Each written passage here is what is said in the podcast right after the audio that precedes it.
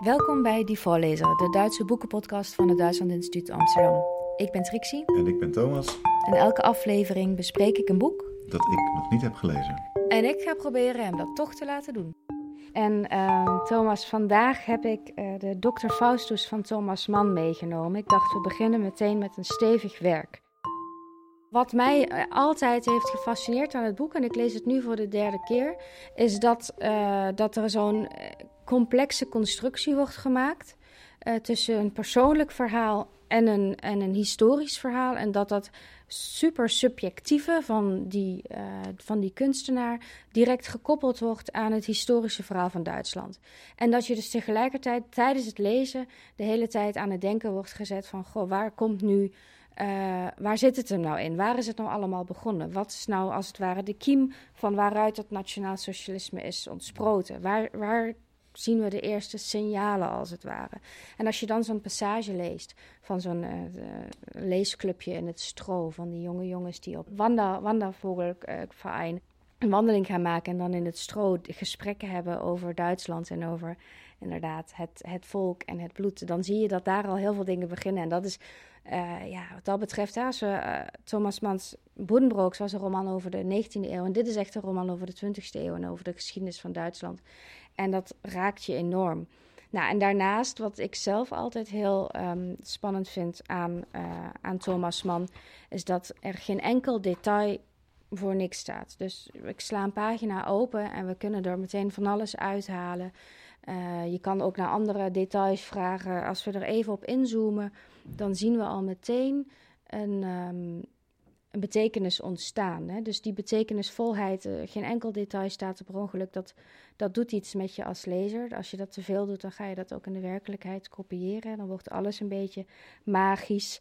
Je krijgt er een magisch uh, wereldbeeld van. In ieder geval je kan het heerlijk close readen. Het levert enorm veel op als je op een, op een alinea inzoomt. En dat is bij dit werk misschien nog wel meer dan in zijn vroegere werk, omdat hij natuurlijk ook uh, als schrijver beter aan het worden is. Zijn laatste werk is wel, uh, wat dat betreft, het meest uh, doortimmerd. Ja. Maar voordat we het boek ingaan, lijkt het me een goed idee dat we eerst even bespreken wie Thomas Mann nou precies was. Mijn, mijn eerste introductie was toch wel die, die ene hele lange zin die over een pagina reikte. Dus erg uitgebreid en veel aanhalende zinnen met komma's en die punten die maar blijft, die, zich uit blijft stellen. Dus ja, erg uitgebreid en langslepend. Toen dacht ik eerst, dit leg ik even naast me neer en ik laat me er graag meer over vertellen. Nou, uh, we kennen hem denk ik allemaal. Ik denk dat uh, de meeste mensen er in ieder geval van gehoord hebben. Het komt uh, met name omdat hij in de 20e eeuw een Nobelprijs heeft, voor de literatuur heeft gewonnen. Dat was echt zijn grote doorbraak. Hij is in 1875 geboren in Lübeck. Nou, Lübeck kan je nog steeds bezoeken en dan kan je in de voetsporen van Thomas Mann gaan, naar een lichtelijk kitscherig museum ook gaan. En daar kan je alles leren over zijn jeugd. Um, hij is niet in Lübeck gebleven, hij is zelfs niet in Duitsland gebleven. Hij is uiteindelijk naar de Verenigde Staten geëmigreerd tijdens de nazi-tijd. Is daarna wel nog teruggekeerd naar Europa, maar is nooit meer in Duitsland gaan wonen. Was een zeer bewuste keuze, hoewel hij heel erg van Duitsland hield. Maar is uiteindelijk in Zwitserland terechtgekomen en is daar in 1955 overleden. Nou, we gaan het dus nu over uh, Dr. Faustus hebben, dat boek. Uh, ik heb geen idee wat er in het boek staat. Ik, de naam Faust zegt mij iets natuurlijk. Uh, Faust, Goethe, ontzettend belangrijk uh, toneelstuk wat hij heeft geschreven. Maar wat is de relatie met Dr. Faustus? Waar gaat het boek over? Um, wie, is, wie is nou de hoofdpersoon? Um, is dat, dat daadwerkelijk Dr. Faustus of is dat iemand anders? Waar gaat het over? Nou, we zijn met deze roman uh, aangekomen bij het laatste belangrijke werk van Thomas Mann. Dat beweer ik in ieder geval altijd. Hij heeft daarna nog uh, Felix Krul geschreven, maar de Dr. Faustus is zijn laatste belangrijke werk. En in dat werk komen ook nog eens alle thema's die altijd al speelden tot uitdrukking. Maar wat gebeurt er nu in deze roman? Hij is in 1947 door de auteur geschreven. Uh, maar hij is verteld door een verteller in 1943. Een belangrijk jaar natuurlijk. 1943, eigenlijk midden in de Tweede Wereldoorlog.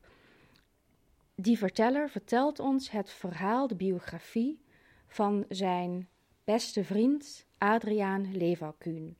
En deze Leverkuhn is een beroemde kunstenaar, is componist en toonzetzer in de Duitse ondertitel ook. En heeft grote werken gemaakt. Maar tegelijkertijd is het met zijn persoonlijke leven niet zo goed gegaan. En dat is een oud thema bij Thomas Mann. De kunstenaar, de geniale kunstenaar, betaalt zijn toewijding aan de kunst met het normale leven, dat daardoor eigenlijk onmogelijk wordt gemaakt. Uh, dus we hebben een verteller die vanuit het jaar 1943 de geschiedenis van zijn vriend beschrijft. Dus de verteller is tegelijkertijd ook de biograaf van die vriend? Ja, en dat tekent eigenlijk onze biograaf ook al meteen. Want we hebben het nu steeds over die geniale kunst en dat dat zo'n. Um, dat, dat, dat het de biografie van hem is. Maar we hebben natuurlijk ook die verteller, wat ook een personage is. En um, hij is minstens net zo interessant, zou ik willen zeggen. Uh, tegenover die geniale kunstenaar staat namelijk die vriend die juist een heel saai burgerlijk leven leidt. Uh, hij heeft ook nauwelijks ruimte in de roman om over zijn eigen persoonlijk leven te spreken. Waar hij dat doet, doet hij dat alleen maar in hoeverre het zinvol is om het leven van zijn vriend te begrijpen. Wat we van hem weten is dat hij schoolmeester is, dat hij humanist is en dat hij van daaruit ook een behoefte voelt om dat verschrikkelijke verhaal, dat uh, spannende maar zo duistere verhaal van zijn vriend te vertellen. En dat ook uh, zo te vertellen dat het voor de lezer duidelijk wordt. Kan je, mij, eh, kan je me vertellen wat, wat precies het spannende aan het verhaal is? Wat er zo spannend aan is, en dan komen we eigenlijk tot een uitleg van de titel. Hè? Daar kunnen we natuurlijk niet uh, langer omheen. Het spannende verhaal is dat het natuurlijk niet zomaar een kunstenaar is, maar dat hij een Faustus is. En daarmee verwijst Thomas Mann naar uiteraard Goethes Faust, maar Goethe had het ook niet zelf verzonnen, dat verhaal. Het is een verhaal uit de middeleeuwen, de Oerfaust. Um, bij Goethe en bij de Oerfaust gaat het uh, erom dat iemand, Faust, zijn ziel verkoopt aan de duivel om daarmee kennis en wijsheid en een vrij leven te verdienen. En uiteindelijk, ja, als je je ziel verkocht hebt, betekent dat dat je daarna in de hel terechtkomt. Ja, die uh, genie die verkoopt dus zijn ziel. Maar hoe doet hij dat precies? Hoe verkoop je nou eigenlijk je ziel? Ja, hij verkoopt niet letterlijk zijn ziel. Uh, daar is in ieder geval niet letterlijk sprake van. Maar wat hij, uh, wat wel, waar wel letterlijk sprake van is, is een gesprek tussen Leverkuhn, die dus inderdaad een soort Faustus is, en de duivel. Maar de vraag is, en daarmee is het echt een 20e eeuwse roman, of dat daadwerkelijk een realistisch gesprek is tussen Leverkuhn en die duivel, of dat dat eigenlijk allemaal in het hoofd van Leverkuhn zit. In ieder geval hebben we een hoofdstuk in het boek waarbij er sprake is van een dialoog tussen Leverkuhn en de ander, zoals die dan wordt genoemd, waarbij die ander ook ludieke uitspraken doet, zoals je hoeft geen Latijn te spreken, spreek maar Duits. Dat is toevallig echt mijn lievelingstaal. Dus daar zitten al wat rare uitspraken in van die duivel. En de, die duivel weet ook altijd al alles wat Leverkuhn gaat zeggen. Dus als we hem echt goed lezen, die, uh, die passages, als we die passages echt goed lezen, dan zien we dat het zich waarschijnlijk in Leverkuhns hoofd afspeelt. En wat daaruit blijkt is dat Leverkuhn altijd al een goede kandidaat was voor zo'n duivelspact. En waarom is hij een goede kandidaat? Omdat hij altijd al wat mensenschuw was, zich al altijd wat graag terugtrok van het burgerlijke gewone leven. Ja, het is eigenlijk een beetje een onaardige, onvriendelijke, nare, afstandelijke man. Onvriendelijk, afstandelijk, maar aan de andere kant uh, wel heel gevoelig. Hij heeft ook altijd migraine. Nou, de meeste personages van Thomas Mann hebben wel eens migraine en moeten zich dan terugtrekken in de duisternis. En uh, zo is dat ook met deze Levakuun. Hij is een briljante geest, maar hij heeft daarvoor heel veel ruimte voor zichzelf nodig. Tegelijkertijd, omdat hij ook zo briljant is, heeft hij heel goed door wat er in de samenleving gebeurt. En daar komen we tot het volgende belangrijke thema in het boek. Wat gebeurt er in de maatschappij? Want we hebben dus aan de ene kant dat, die kunstenaarsbiografie, die heel spannend is, te maken heeft met een duivelspact om tot hogere kunst te komen. Maar tegelijkertijd gebeurt er natuurlijk van alles in Duitsland aan het begin van de 20e eeuw. Mhm. En daar gaat het ook over. En dat maakt het ook zo'n enorm complex boek. Ja, en dat pact dat hij dan sluit met de duivel uh, om tot de genialiteit te komen. Is dat een pact wat van de een op de andere dag ontstaat? Zoals dat bij uh, Faust van Goethe het geval is, waar Mephistopheles langskomt uh, en dan daarna eigenlijk het in werking wordt gezet? Of is het iets wat een langer traject uh, met zich meeneemt? Ja, dat is, een heel, dat is bij Goethe's Faust heel grappig. Hè? Die, uh, die ja. had dan een poedel van straat en die, opeens blijkt die poedel een duivel. Nou, dat is natuurlijk ook hilarisch. Maar nee, zo is het inderdaad uh, bij Leva Kuhn en zijn bezoek van de duivel niet. We hebben in de loop van de roman al een paar personages. En dat is typisch Thomas Mann. Dat zijn leidmotieven die ergens naartoe leiden. Hè? Motieven die ergens naartoe leiden die erop vooruitwijzen dat die duivel al eraan komt. In ieder geval dat er in Leverkusen iets demonisch zit, iets dat geïnspireerd moet worden. En dat begint uh, met dat hij in Leipzig rondgeleid wordt door de stad en opeens tot zijn grote schrik in een bordeel terechtkomt. En uh, daar ziet hij een, uh, een meisje en hij, nou ja, het eerste wat, wat doet, is uh, hij, hij komt erachter dat hij in een bordeel is. En hij gaat maar gauw even achter de piano zitten, want dat is wat hij kan, dat is wat hij doet. Dus daar gaat hij even naartoe. En uh, vervolgens aait zij hem over zijn wang. En dat is het moment waarop hij geraakt is, waardoor hij eigenlijk al geïnfecteerd is. En hij probeert het te vergeten en te verdringen, maar er is iets in hem aangestoken. En dat is het begin van wat later, want hij gaat haar nog een keer bezoeken, uh, de syfilis wordt. Dus hij wordt ziek en uh, vanuit die ziekte uh, kan zijn geniale geest verder gaan groeien en zal hij tot een groot kunstenaar worden. En dat is een heel vreemde gedachte misschien, maar voor Thomas Mann een heel belangrijk punt. De kunstenaar, die juist een beetje afgezonderd is van het leven, is vaak ook een beetje ziek. En die syfilis die hij heeft gekregen van die hoer, eh, van die prostituee, sorry, net er gezegd, is dat dan, heeft hij dat dan moedwillig gedaan om uiteindelijk tot die kunstzinnigheid te komen? Of uh, wat was de reden daarachter? Precies, en we hebben het net ook gehad over dat vreemde eh, gesprek tussen hem en de duivel. Of dat nou echt zo is, of dat dat misschien in zijn hoofd alleen gebeurt. En het grappige is dat Leverkusen op dat moment zelf tegen de duivel zegt, of tegen die ander: van ja, waarschijnlijk ben je slechts een hersenspinsel van me, want ik ben ziek. En dit is vast een van de koortsdromen die ik heb door de ziekte, waardoor ik jou verzin. Ja. Waarop die duivel antwoordt: nou ja, dat je ziek bent maakt jou enkel ontvankelijk, maar dat is nog geen reden om te zeggen dat ik alleen maar in jouw hoofd besta, want ik ben hier echt. Dus zo blijft die dubbelheid bestaan tussen is het nou echt of is het een verzinsel? In ieder geval is duidelijk dat Leverkusen al zijn hele leven lang erop voorbereid wordt, of zichzelf erop voorbereidt, om die afstand te creëren tot het normale leven, om van daaruit die hoge kunst te gaan maken.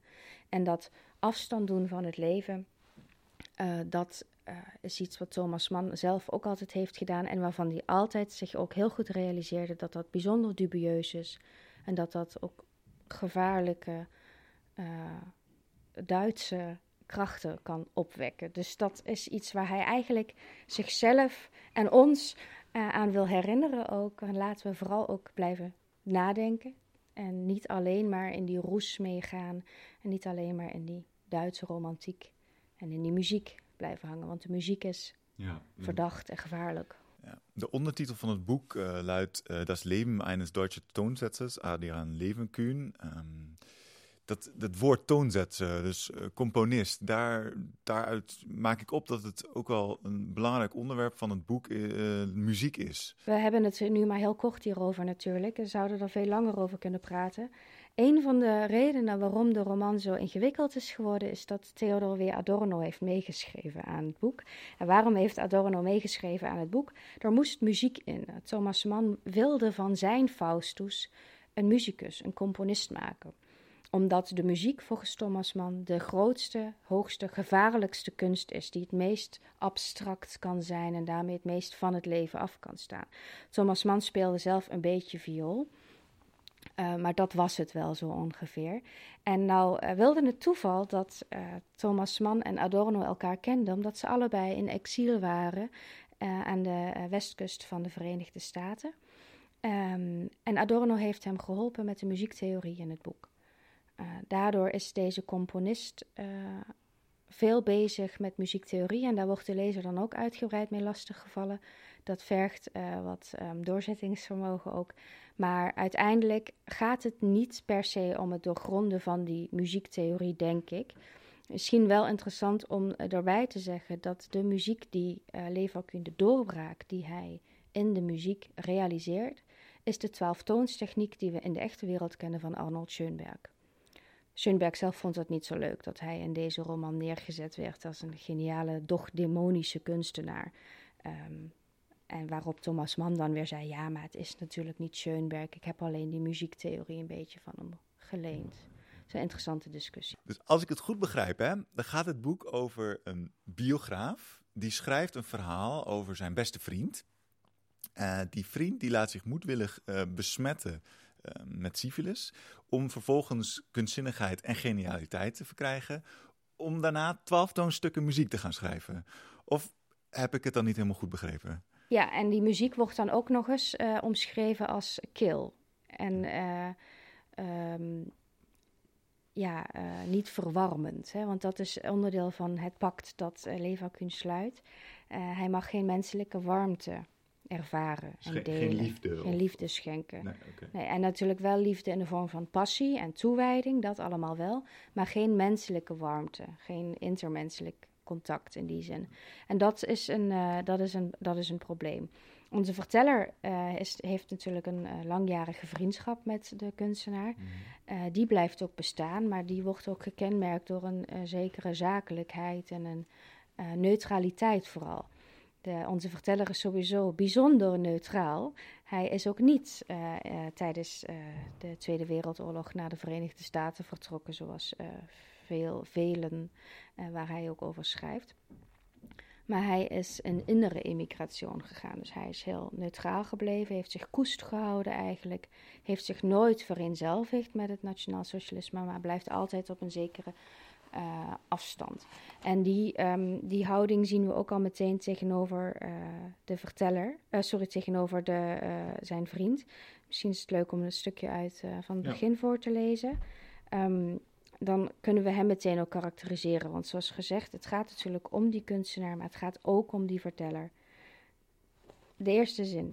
Met de grootst mogelijke stelligheid wil ik verzekeren dat het beslist niet is omdat ik mijn persoon op de voorgrond wens te schuiven, dat ik aan deze mededelingen over het leven van wijlen Adriaan Levakuun, deze eerste en ongetwijfeld zeer voorlopige biografie van die geliefde, zo vreselijk door het noodlot beproefde, opgeheven en neergeworpen mens en geniale muzikus, enkele woorden over mijzelf en mijn omstandigheden vooraf laat gaan. Dus hij maakt hier heel erg duidelijk van ja, oké, ik zal ook even iets vertellen over mezelf.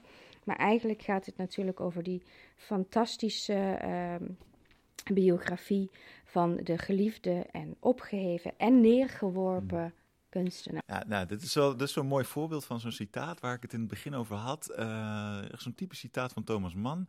Um, waarbij je aan het begin, um, daar begin je dan aan, maar aan het eind weet je eigenlijk niet meer zo goed waar het over gaat, omdat die, die punt laat twintig zinnen op zich wachten. Je moet inderdaad blijven nadenken tijdens het lezen. Ja. Het halverwege de zin moet je onthouden hoe de zin ook alweer, ook alweer begonnen was. Ja. Nou ja, um, dit is ook een van de uh, romans van Thomas Mann, zou ik willen zeggen, waar je echt je wel even in moet vastbijten. Ja. Veel van zijn andere romans, zoals De Boenbrooks en De Toverberg, kun je toch ook op verschillende niveaus lezen. Je kan dat lezen als een spannend verhaal, als een liefdesgeschiedenis, als een familiegeschiedenis. En als je zin hebt, kan je dan nog eens kijken naar wat filosofische, historische achtergrond. Deze roman uh, smijt je als het ware meteen in het diepe. Hier moet je ingaan ja. zitten en invroeten om het uh, te doorgronden. Nou, ik zie dat je de Nederlandse vertaling hebt meegenomen. Um, maakt de Nederlandse vertaling het makkelijker om te lezen? Echt makkelijk wordt het niet. Nee, okay. Dus uh, nee, helaas. Het enige zou ik willen zeggen waar, waar je, uh, wat wel makkelijk te bevatten is, wat je wel op een eenvoudiger niveau als het ware kunt lezen, is die toch ook wel interessante vriendschap tussen deze twee heren. want je vraagt je als lezer ook al af waarom heeft die humanist nou geen eigen leven? Waarom heeft hij er zijn levenswerk van gemaakt om zijn briljante vriend te begrijpen en te beschrijven, te analyseren? En zo makkelijk uh, is, is het niet om met deze Levacuun uh, te lezen. Dat citaat had ik ook uitgezocht. Uh, Zeitblom heeft het soms best wel zwaar in de omgang met Leverkusen, deze vreemde, in zichzelf gekeerde, eigenlijk vaak wat onaardige, maar toch heel gevoelige man. Zeitblom zegt over hem: Wat er met hem gebeurde kon mij schokken, maar nooit van hem verwijderen. Er zijn mensen niet gemakkelijk om mee te leven en onmogelijk om te verlaten. Dus hij zit er ook wel aan uh, vastgeplakt. Hij komt er niet van los. Hij is eigenlijk ook door een soort noodlot getroffen, omdat hij zich moet, uiteen moet zetten met die kunstenaar en daarmee ook uiteen moet zetten met dat hele, alles wat Duits is eigenlijk. Je geeft nu aan dat het een um, uiteenzetting is met het Duitse. Um, het boek is uh, gepubliceerd uh, kort na de Tweede Wereldoorlog. Een tijdpunt, tijdstip waarin het Duitse um, ter discussie staat. Uh, niet onomstreden is, om het lichtzinnig te zeggen. Hoe zie je dat terug in dit boek? Ja, dat zien we zeker ook heel duidelijk uh, terug. We zijn aan de ene kant getuigen van, uh, de, op, van uh, de, de carrière eigenlijk en de ondergang van onze kunstenaar. En tegelijkertijd zijn we ook getuigen van de ondergang van Duitsland. Van de opkomst van het nationaal socialisme. En de verteller vertelt ook al over het begin van de 20e eeuw. dat daar ook al duidelijk het nationalisme natuurlijk merkbaar was en voelbaar was. En in zekere zin bespreekt hij dus niet alleen het duivelspact van Leverkusen, maar ook het duivelspact van Duitsland. dus die, die brave schoolmeester die vertelt de geschiedenis van Duitsland, um, gekoppeld aan de geschiedenis, aan de biografie die hij vertelt. En hij heeft het daar dus ook heel moeilijk mee. Hij uh, vindt beide verhalen, de, de, het biografische en het historische, heel moeilijk om te vertellen. Maar hij voelt zich verplicht om dat uh, goed aan ons over te brengen. Maar eigenlijk valt het buiten zijn, ja, zijn uh, normale kaders, zou je kunnen zeggen. Dus hij benoemt ook steeds dat hij het zo enorm lastig vindt om uh, die, die Duitse geschiedenis goed te begrijpen en goed uit te leggen. Het gaat zeker ook om de analyse van wat, uh, wat is Duitsland en heeft Duitsland inderdaad dan bepaalde fascistische, demonische trekken? Hè? Zit dat inderdaad in de Duitse aard? Is dat iets dat Duits is? Dat die duivel zegt, spreek maar Duits met mij, is toevallig echt mijn lievelingstaal. Ja, ja, ja. Is natuurlijk een opmerkelijk... Dat is eigenlijk geen toeval dat het toevallig zijn lievelingstaal Dat is zeker geen toeval, nee. En um, het boek is dus ook voortdurend uh, daarmee bezig met hè, uh, wat is Duits, wat is het goede Duitsland, ja. wat is het slechte Duitsland, wat moeten we behouden. Inderdaad, die hoge kunst wellicht, mm-hmm. die hoge cultuur. En tegelijkertijd, als we ons te veel verliezen, juist ook in die hoge cultuur, in die Duitse romantische mythen, hè, als die romantische mythen politiek worden, hebben we meteen een probleem. Ja. En daar gaat het over dat we moeten uitkijken dat die uh, dat die romantische mythen niet omslaan in nationalisme en van daaruit ook in fascisme. Dus ja, het, is ook, het gaat ook daarover. Uh, heb je daar ook een uh, voorbeeld van wat in het boek voorkomt? Misschien een passage die daarbij aansluit? Ja, dat zouden we inderdaad eventjes erbij moeten pakken. Um, dat had ik ook uitgezocht. Een citaat waarbij we duidelijk zien dat het Zuidbloem achteraf vindt, onze verteller achteraf vindt, dat hij misschien wat meer had moeten zeggen. Toen hij in zijn vriendenkringen opmerkte dat er misschien wel sprake was van sterk nationalisme, wat uh, fascistische uh, ontwikkelingen. Hij schrijft dan in 1943 dat een uh, kiesvoelende mens niet zo snel tegenwerpingen wil inbrengen. Maar op de huidige dag 1943 dus, ziet men wel in dat het de fout van onze civilisatie is geweest dat zij die toegevendheid en dat respect in al te grootmoedige mate heeft betracht, terwijl zij toch met je reinste vlerkerij en verbeten intolerantie bij de tegenpartij werd geconfronteerd. Met andere woorden, de civilisatie is misschien wel te tolerant geweest ten opzichte van intolerante ontwikkelingen. Dit lijkt me echt een heel actueel thema. Is dat ook een van de redenen waarom je het uh, boek voor nu hebt meegenomen? Thomas Mann wijst ons er steeds okay. op. Hè? Dat doet hij altijd. En al zijn werken heb je dus de, de, het verhaal dat verteld wordt. Je hebt de vertelde tijd en de, de tijd van de verteller. En daarnaast wijst die verteller ons er geregeld op dat er ook nog de tijd is waarop jij dit boek leest. Jij als individu, jij nu in de wereld waar jij nu in leeft. En uh, daarmee is dit boek altijd ook een appel aan ons verstand. Want uiteindelijk is de conclusie: wat moeten we doen met deze gevaren van de romantische cultuur bijvoorbeeld, of de gevaren van deze intolerante groep mensen? Nou, dat wij onze feitelijkheid verliezen. Dat wij niet meer naar ons verstand, op ons verstand teruggrijpen en dat wij ons uh, laten bedwelmen. En uiteindelijk is het boek een groot appel aan het verstand.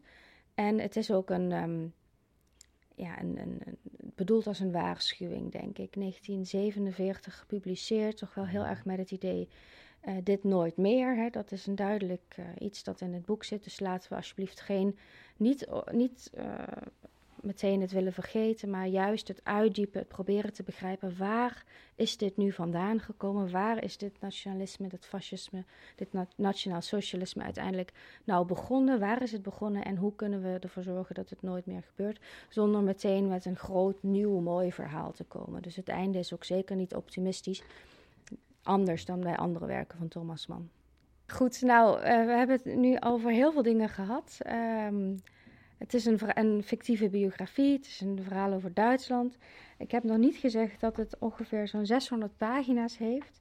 Dus ik wil nu eigenlijk van jou ja. wel horen, Thomas. Um, ben jij na dit gesprek uh, genegen het boek te lezen, ja of nee? Nou, je hebt me zeker overtuigd om het uh, boek te gaan lezen, al moet ik er wel bij zeggen. Um, het deel van de geschiedenis spreekt me erg aan. Maar deel over de muziek, de muziektheorie, uh, twaalftoonse muziek, dat, dat zegt me eigenlijk niet zoveel. Daar, dat raakt me niet echt. Dus als jij mij vertelt dat ik dat mag overslaan en dat helemaal in het midden mag laten, dan uh, wil ik het zeker een kans geven om, het, uh, om er doorheen te lezen. Ja, nou, dat is natuurlijk al heel mooi. Je hoeft het nooit, ja, uh, nooit helemaal van kaf tot nee. kaf te lezen. Je kan altijd dingen overslaan. Ja. Die Adorno-stukjes bijvoorbeeld. Ja, precies. Ja. Ja, ja, ja, Maar, ja, en met een beetje duiding van jou kom ik al heel eind. Dus. Nou, heel fijn. Goed Dankjewel. zo. Graag gedaan.